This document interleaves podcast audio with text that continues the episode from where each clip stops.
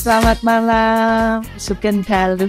Para penonton yang kelihatan dan tidak kelihatan, kalau kita di Bali uh, berpegang pada sebuah konsep yang namanya Trihita Karama. Oleh karena itu, di dalam karya-karya saya, banyak ajaran-ajaran kearifan lokal yang berdasarkan dari kekayaan budaya yang kita miliki. Life begin at 40 gitu ya karena saya live bikin at 50 kecuali kalau ada sutradara yang agak nekat gitu jadi ibu yang bertemu dengan cintanya setelah mati rasa gitu.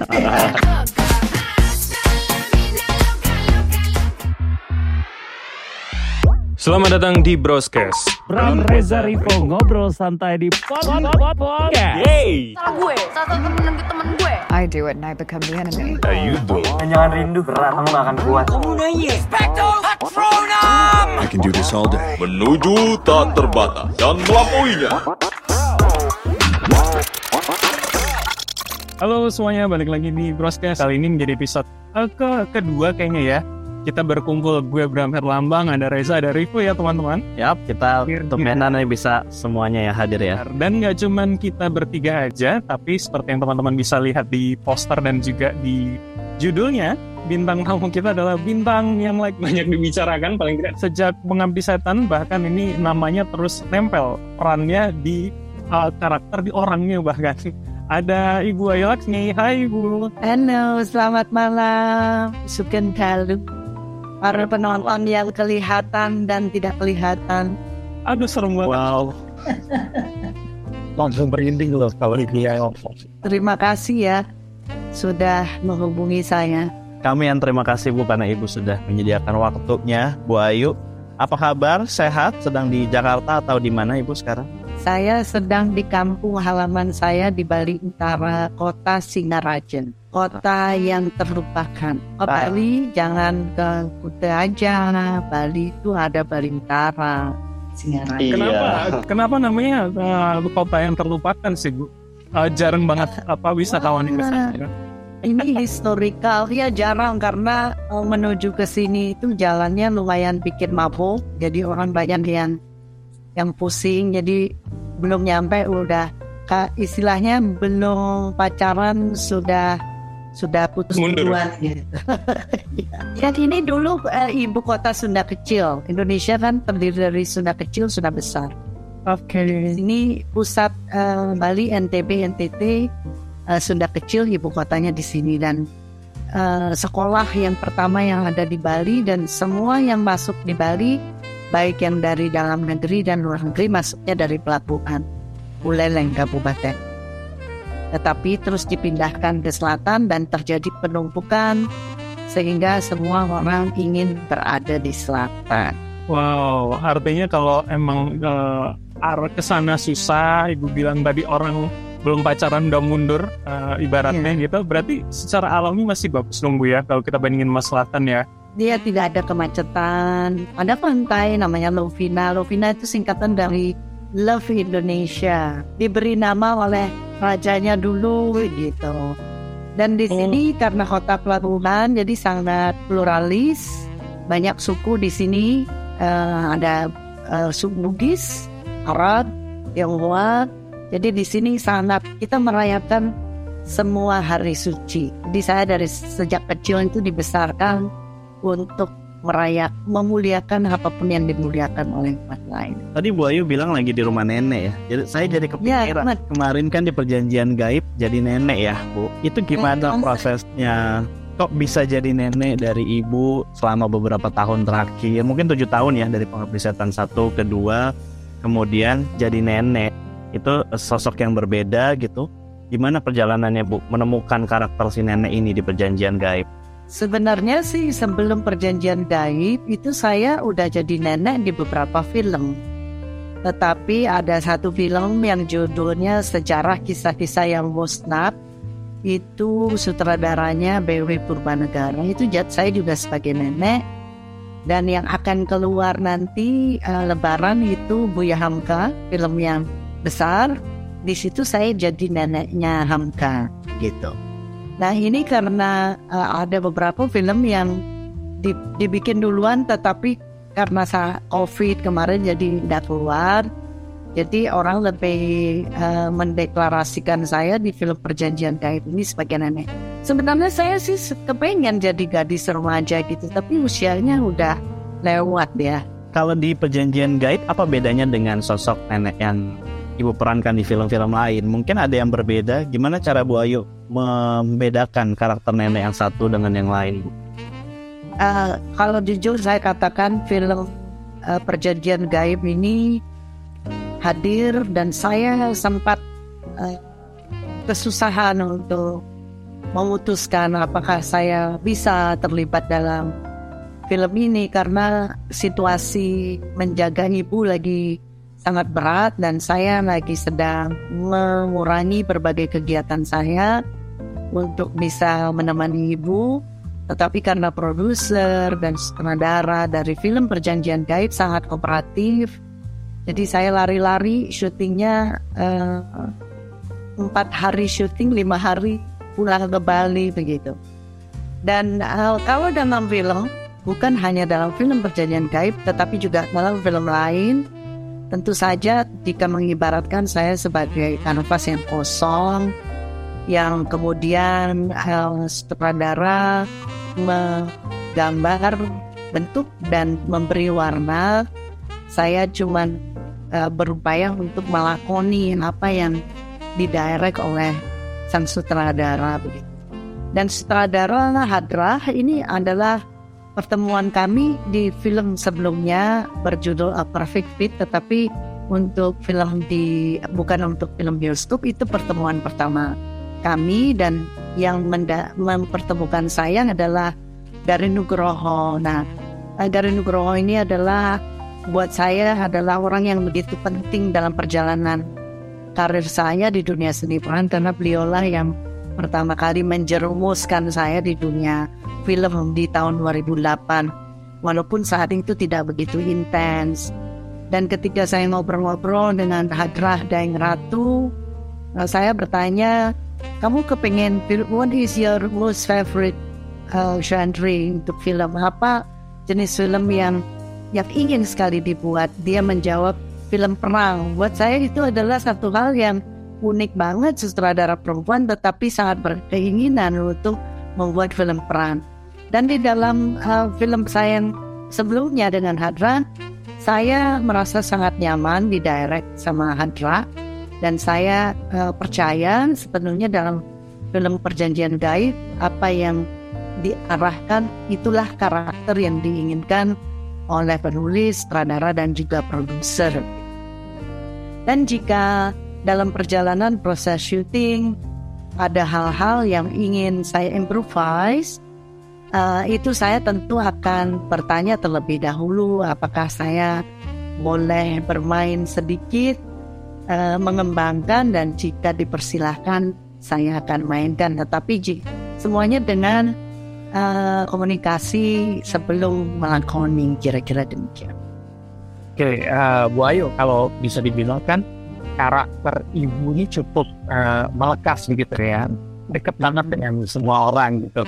Uh, banyak yang masih belum on dari karakter ibu gitu ya. Tapi kalau Bu Ayu sendiri melihat uh, bagaimana pengaruh dari karakter ibu di waktu setan dulu apakah itu mengubah kehidupan pribadi ibu ya termasuk juga pada peran-peran berikutnya gitu dalam lain kalau dalam kehidupan saya itu sebenarnya kalau di, di diperankan saya dimunculkan sebagai sosok perempuan yang misterius yang tidak berbicara yang banyak diam. Kalau dalam kehidupan saya sehari-hari itu sebenarnya saya totally opposite karakter. Saya adalah uh, di keluarga ada juga teman-teman yang biayaan kalau orang Jawa bilang dan uh, katanya menurut orang uh, jenaka. Jadi saya suka sesuatu yang bercanda gitu yang nggak pernah serius dan uh, banyak ketawa gitu orang serius saya ketawa dan dan kalau situasi yang perlu harus marah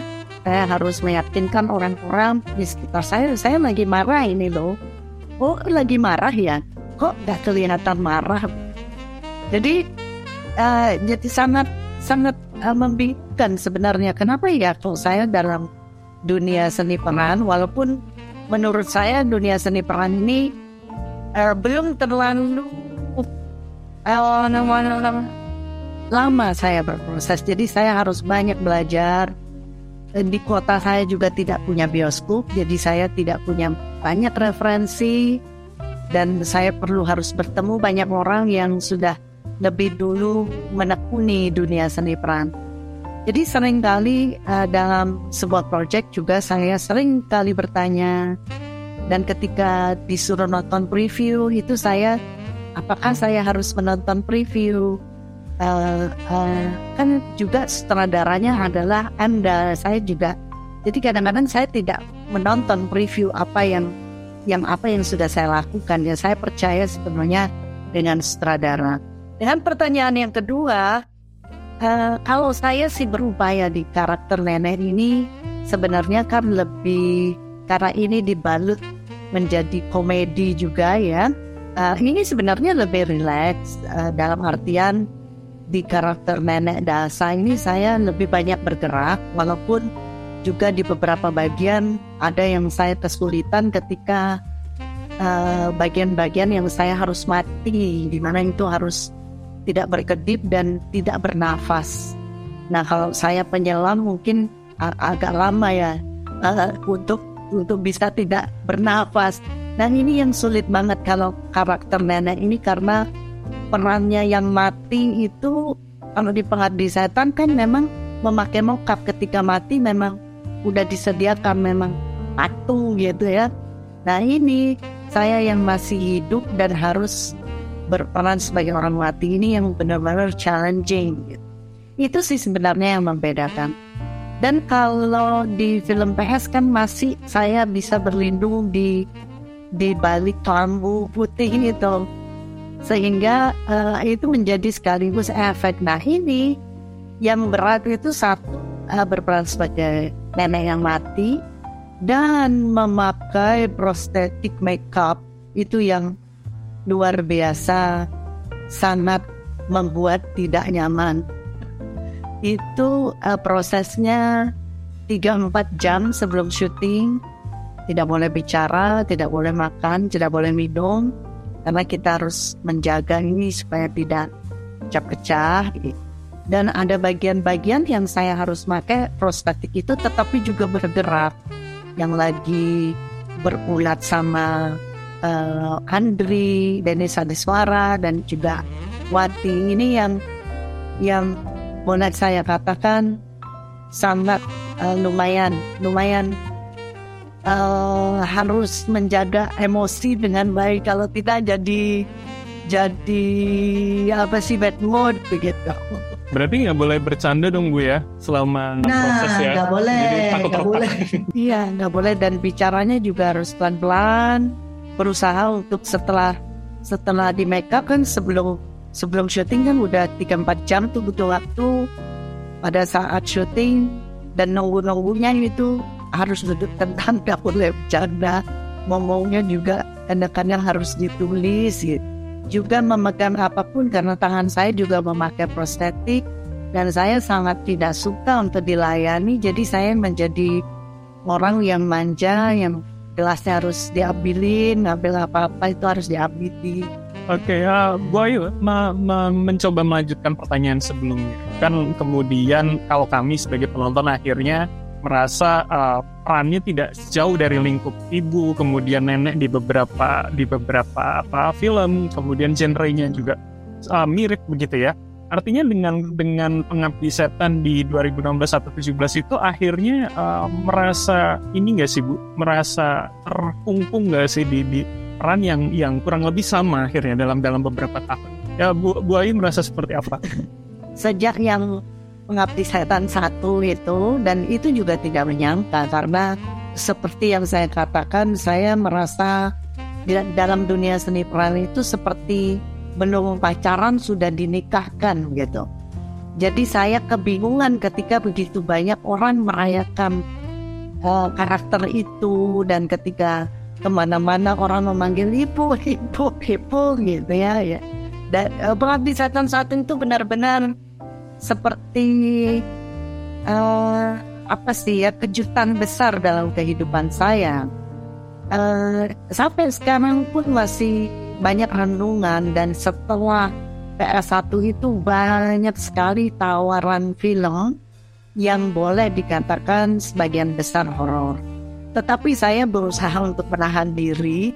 Ini perjanjian gaib ini adalah uh, film kedua yang yang horor yang saya terima uh, karena pertimbangan pertimbangan pertimbangan ya banyak pertimbangan lah. Uh, saya ingin ngetes diri sendiri mampu apa enggak. Saya nggak tahu. Itu tergantung publik. Saya berupaya untuk tidak sama dengan uh, dengan apa yang sudah saya lakukan di film sebelumnya. Tapi tentu saja itu kembali ke publik karena karena ingatan-ingatan uh, atau sesuatu yang berkesan uh, pertama itu kan memang sama seperti kekasih gitu ya. Kalau yang pertama itu walaupun misalnya yang kedua lebih baik atau atau yang pertama lebih baik tetapi misalnya berpisah tetap sulit gitu ya. Yang pertama untuk dilupakan. Baik dari dalam diri dan dari juga orang lain memang kita sulit sekali untuk dipisahkan dengan sesuatu yang pertama tetapi itu kembali kepada penilaian publik da, uh, namun dari saya berupaya untuk baik di film perjanjian gaib dan peran-peran nantinya saya berupaya untuk tidak sama. Walaupun kadang-kadang upaya kita belum tentu satu visi misi dengan si pembuat film. Karena kan film bekerja apa berbicara tentang film kan kerja kolektif gitu. Nah pentingnya ketika ketika masuk dalam sebuah proyek tentu ada kesepakatan baik itu dari produser, sutradara, penulis naskah, dan juga uh, faktor-faktor uh, yang mendukung seperti penata kostum, penata makeup. Nah ini yang yang penting sebenarnya. Tetapi kalau saya katakan dalam uh, produksi film Indonesia boleh dikatakan lumayan terburu-buru gitu untuk persiapannya ya. Nah saya dulu ketika bermain film tahun 2008 itu uh, jarak dari satu film ke film lainnya cukup lama sehingga saya juga harus sudah lupa dengan karakter sebelumnya. Ini misalnya satu tahun, dua tahun sekali gitu bermain film. Tetapi ya beginilah keadaan bangsa dan negara Indonesia ya, yang kadang-kadang luar biasa terburu-buru gitu persiapannya padahal uh, yang dikerjakan itu adalah sesuatu yang besar. Hebat orang-orang kita itu Sesingkat apa pun waktu yang disiapkan selalu mampu untuk menyelesaikan. Bebannya akhirnya ke, ke pemain dong Bu ya, effortnya akhirnya harus berubah karakter dari film ke film dengan jangka waktu pendek kata Ibu tadi. Iya, iya betul. Alangkah bagusnya ketika itu diberikan jeda, alangkah bagusnya ya. Itu yang saya katakan, kita juga sembari diberikan waktu yang pendek itu kita men-challenge diri kita apakah kita mampu apalagi dengan situasi saya yang sulit untuk mengatur waktu karena saya komit untuk menjaga ibu saya sekarang ini antara keluarga dan profesionalisme karir itu juga uh, lagi berat dalam pikiran saya begitu. Bu Ayu, tadi kan Ibu bilang ya ini film horor kedua yang Ibu terima uh, setelah sebelumnya ada dapat beberapa tawaran yang cukup banyak gitu uh, dengan peran yang mirip dan film yang bergenre sama gitu. Artinya kan Bu Ayu memang sudah menentukan bahwa tidak semua horor diterima dan tidak semua peran diterima. Saya ingat waktu itu yeah. Saya menonton Bu Ayu di film Yuni dengan karakter yang jauh berbeda gitu ya. Oh iya iya iya. Akhirnya kita menikmati sekali karena kita melihat versi Bu Ayu yang lain. Gitu. Iya. Tapi tidak semua pemain memang uh, melakukan jeda seperti itu. Tidak uh, semua pemain melakukan jeda film berbeda genre atau jeda waktu untuk ke project berikutnya. Gitu. Kalau Bu Ayu sendiri apa ritual yang biasa dilakukan uh, di antara jeda project? Kemudian apa sih uh, yang suka dilakukan Bu Ayu di lokasi syuting gitu? Apa misalnya meditasi kah? Atau mungkin ada apa kebiasaan-kebiasaan khusus gitu? Kalau saya begini uh, sebelum saya men, uh, sekarang kan sejak film PS1 itu jadi riuh ya. Hari-hari saya mulai riuh terus promo-promo uh, di sosmed itu tentang seni peran sebenarnya saya berproses di dunia kesenian itu sudah cukup lama tapi saya memulainya dari dunia musik jika seni ini adalah wahana, saya boleh katakan bahwa wahana saya yang milik saya pribadi itu adalah musik.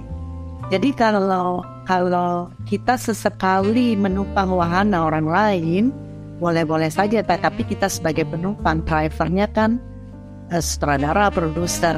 Tetapi kalau untuk musik yang menjadi pengemudinya yang menakodai adalah saya.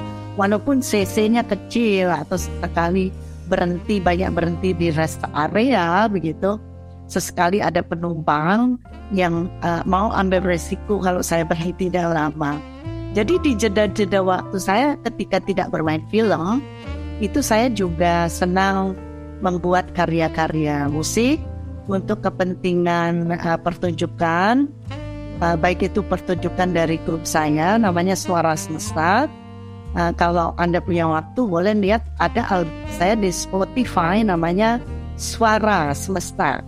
Suaranya pakai V. Itu memang uh, di film Pengabdi Setan satu pun boleh saya katakan bahwa sebenarnya saya mampir ke dunia seni peran itu karena wahana utama saya adalah musik. Jadi pertama kali saya ketika di casting oleh Abang Joko Anwar itu saya uh, memberi oleh-oleh berupa album Suara Semesta satu.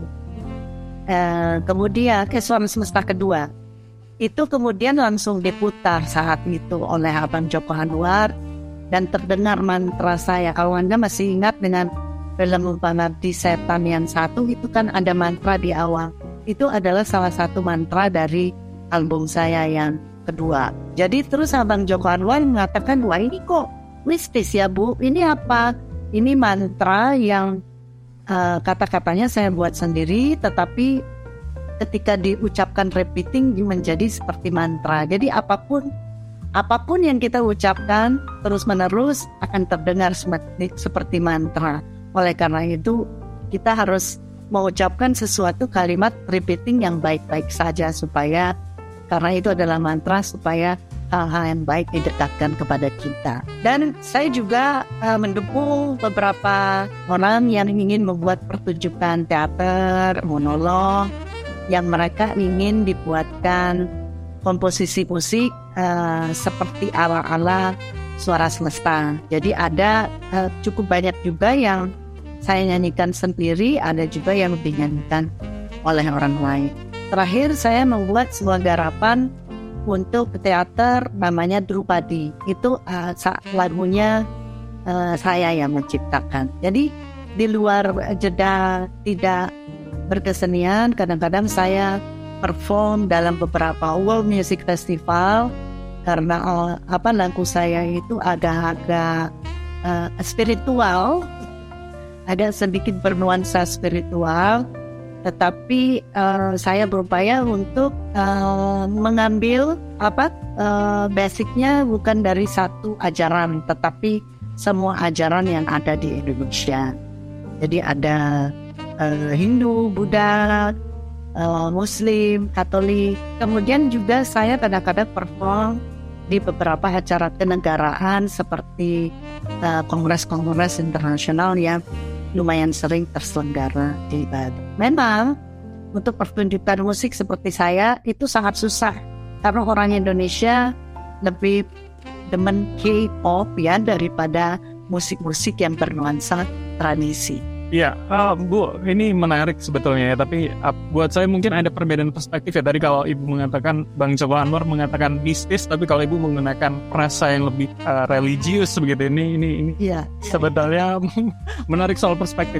Tapi uh, iya. akhirnya kalau boleh uh, kita tarik mundur, seberapa berpengaruh Bu lingkungan di di kota Singaraja tadi yang Ibu bilang cukup multikultural itu akhirnya membentuk ibu secara berkesenian akhirnya membentuk ibu juga dalam apa ya mendalami uh, peran-peran yang ada di dalam beberapa terakhir? Uh, itu sangat berpengaruh ya karena saya dari kecil dibesarkan oleh seorang ibu yang sangat pluralis di mana ibu saya juga lahirnya di Jawa, Solo dan sekolahnya di Jogja, Surabaya.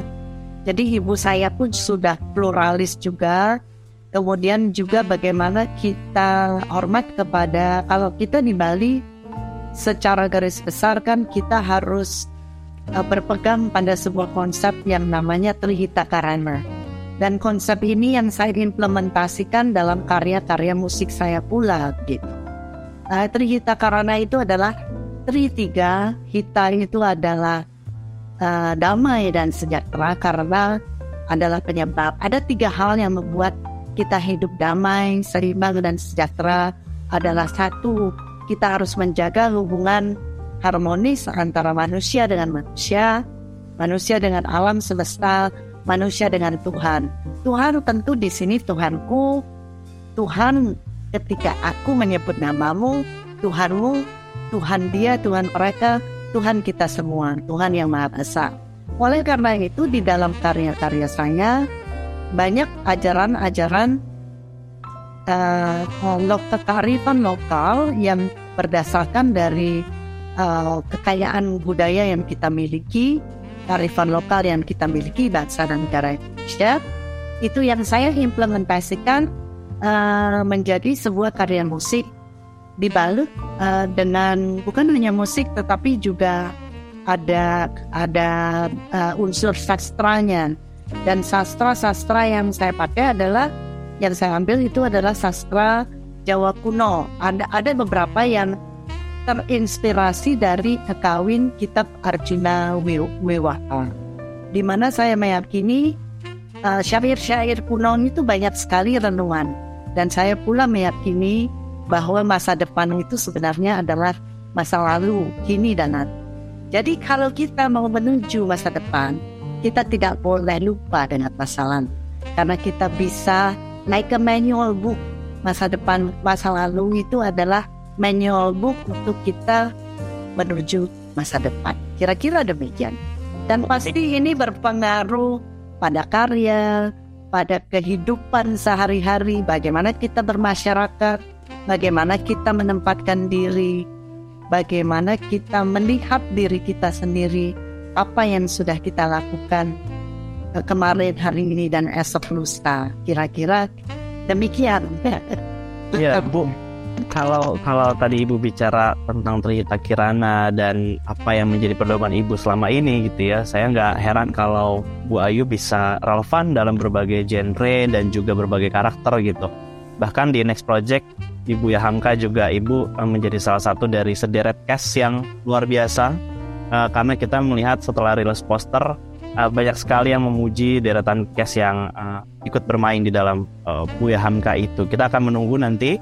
Tapi sebelum itu saya mau tanya sama Bu Ayu nih mengenai generasi muda sekarang yang sudah mulai banyak sekali masuk ke dunia seni peran gitu ya entah dari musik dari selebgram TikTok kemudian uh, kelas acting bahkan dari mereka-mereka yang tadinya mungkin kerja kantoran akhirnya sekarang turun menjadi aktor gitu apa sih yang uh, ibu lihat dari fenomena di generasi muda sekarang. Pasti kan berbeda dengan di zaman ibu yang prosesnya pasti sulit sekali dan punya jenjang yang panjang sekali untuk bisa masuk. Betul betul. Betul. Saya saya cuman khawatir dan menitipkan pesan. Yang saya lihat sekarang anak muda itu yang harus menjadi gerakan semesta, menjadi tanggung jawab kita bersama adalah mekanisme ketahanan jiwa. Karena, karena saya lihat sekarang banyak sekali kasus-kasus anak muda yang yang itu tidak terjadi pada saat saya muda dulu.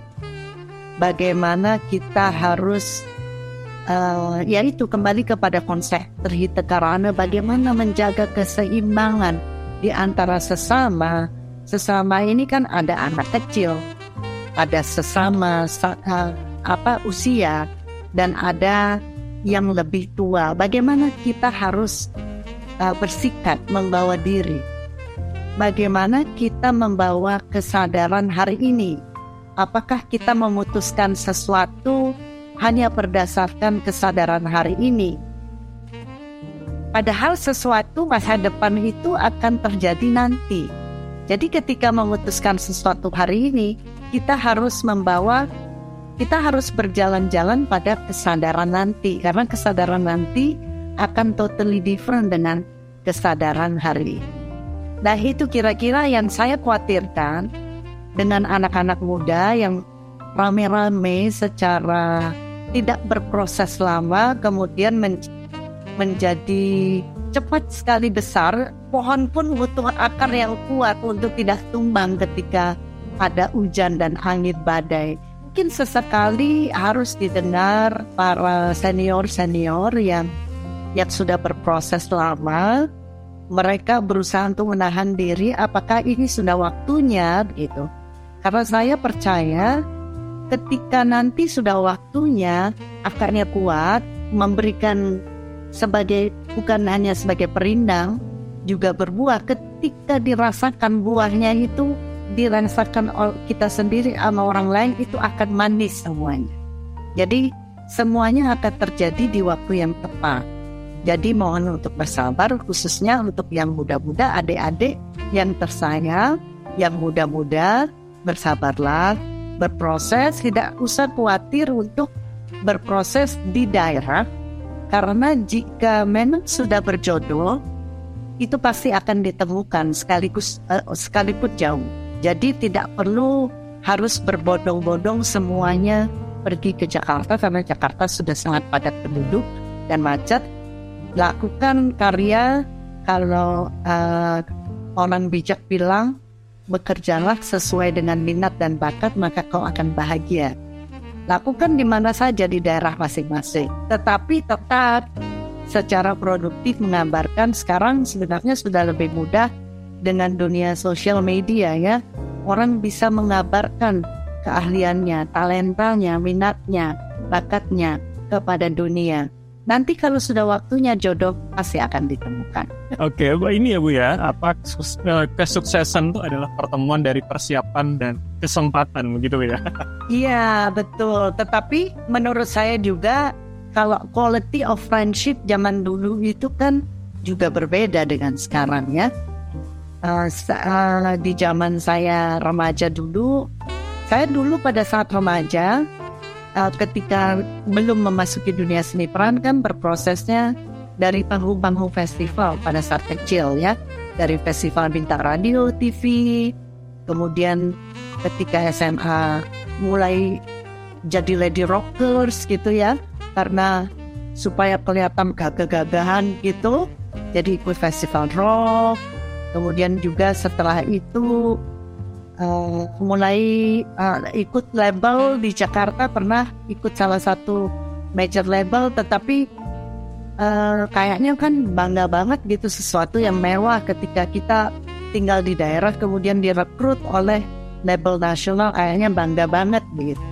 Padahal saat itu masih uh, kuliah di, di di salah satu universitas di sini Udayana uh, salah satu apa namanya ya maksudnya lagi sedang banyak dilema begitunya apakah harus kuliah dan harus uh, apa menjadi penyanyi di Jakarta? Selalu di, di, di apa ditemukan dengan satu hal yang uh, dilematis begitu.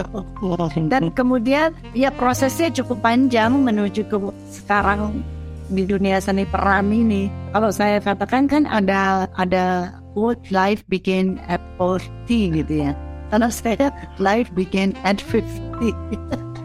Jadi ketika udah 50 tahun terus riuh dalam dunia seni peran, tentu saja peran-peran yang didapat adalah peran ibu, peran nenek. Kecuali kalau ada sutradara yang agak nekat gitu menjadi nenek apa ibu-ibu yang bertemu dengan cintanya setelah mati rasa. Itu jangan-jangan tuh ya bu. Karakter yang ingin dieksplor yang yang jadi keinginan ibu jangan hari ini. Saya itu kepengen saya suka film yang serius sebenarnya. Ya ya itulah eh, para penonton mungkin tidak menyadari kalau horor mereka sadar ada saya. Ada beberapa film kemarin filmnya Mas Garet puisi cinta yang membunuh itu film horor tetapi agak poetik ya. Itu ada sebenarnya saya. Dan ada juga film Ernest teka-teki tiga juga ada. Tetapi mereka kurang menyadari uh, kehadiran saya karena tidak dikemas secara horor begitu. Saya sebenarnya suka film serius kayak film sidang, yang crime investigation kayak kayak begitu tuh sebenarnya yang banyak dialog tetapi demikianlah kehidupan. dapat perannya justru yang tidak boleh bicara. Padahal saya senang sekali bicara. Saya senang bercerita seperti kita bercerita hari ini. pelajaran dan value yang menarik uh, saya mendengarkan ibu gitu loh. Saya jadi ingat Colonel Sanders itu kan menemukan KFC di umur 70. Jadi kita tuh sebenarnya Oh, di umur berapapun bisa saja menemukan opportunity, nggak nggak bisa membandingkan dengan orang lain begitu ya. Betul. Kebetulan saya itu kan senang sekali ketika bertemu dengan orang bersosialisasi dan saya senang bertanya kepada orang-orang tentang eh, apa latar belakang bagaimana perjalanan sebelum menuju sukses. Nah, saya sering bertemu dengan yang menjadi menginspirasi saya. Ada ibu-ibu perawat yang kemudian dia capek atau yang ngurusin orang sakit. Lalu kemudian di umur 55 tahun dia memutuskan berhenti untuk menjadi perawat dan mencoba bidang lain dan sukses.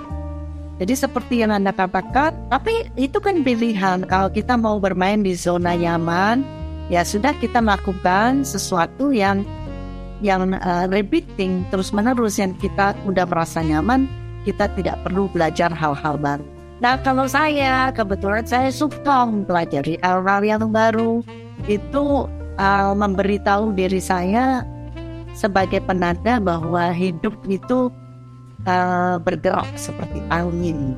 Ini hari ini kita mendapatkan bintang tamu yang eh, luar biasa ya Bram ya Karena sejak awal pembukaan kita sudah disapa dengan eh, teman-teman yang terlihat dan tidak terlihat Kemudian kita mendapatkan banyak sekali cerita yang baik dari Bu Ayu ya soal Terima perjalanan kasih. Jadi kita tidak hanya uh, terbatas informasinya soal ibu dan nenek gitu, tapi juga peran-peran lain dari Ibu Ayu Laksmi. Bahkan kita juga akhirnya mengetahui bahwa Bu Ayu Laksmi punya diskografi, kemudian berkesempatan Eh, liatin dong album saya di di Spotify dengerin dan lihat juga di YouTube beberapa pertunjukan saya. siap. Nanti aku mention di Instagram ya Bu ya, izin ya. Eh, terima kasih banyak, terima kasih banyak. Iya, jadi teman-teman yang dengar hari ini juga bisa cek uh, karya-karya dari Ibu Ayu di Suara Semesta 1, Suara Semesta 2 di Spotify, kemudian film-film pastinya ada banyak selain Pengabdi Setan dan Perjanjian Gaib ya, ada di Uni, Teka-teki Tika, dan nanti nextnya akan ada di Skala nih skala.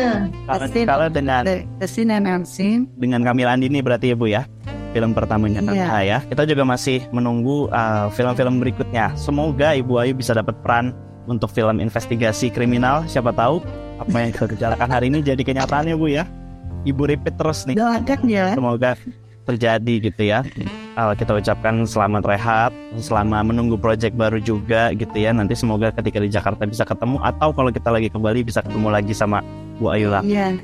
Terima kasih banyak untuk waktunya. Senang sekali ngobrol dengan Anda-anda dengan anak-anak muda yang yang sudah rela mendengar bawelnya nenek, ibu, dan nenek. Tapi jangan bosen ya Bu ya, kalau uh, one day atau next kita akan ngobrol lagi lebih dalam lagi soal perjalanan, soal film atau soal karakter yang baru nanti Bu. Baik kalau begitu uh, kita tutup dulu episode ketujuh kali ini. Saya Bram Herlambang, tadi ada Reza Helmi. dan saya Rivo Palevi Yes, ya. juga Bu Ayu Laksmi terima kasih telah mendengarkan Ses. broadcast Sampai jumpa. Sampai jumpa. Selamat datang di Broscast. Bram Reza Rivo ngobrol santai di podcast Salah gue, satu temen temen gue. I do it and I become the enemy. Ayo dong. Dan jangan rindu berat, kamu gak akan kuat. I can do this all day. Menuju tak terbatas dan melampauinya.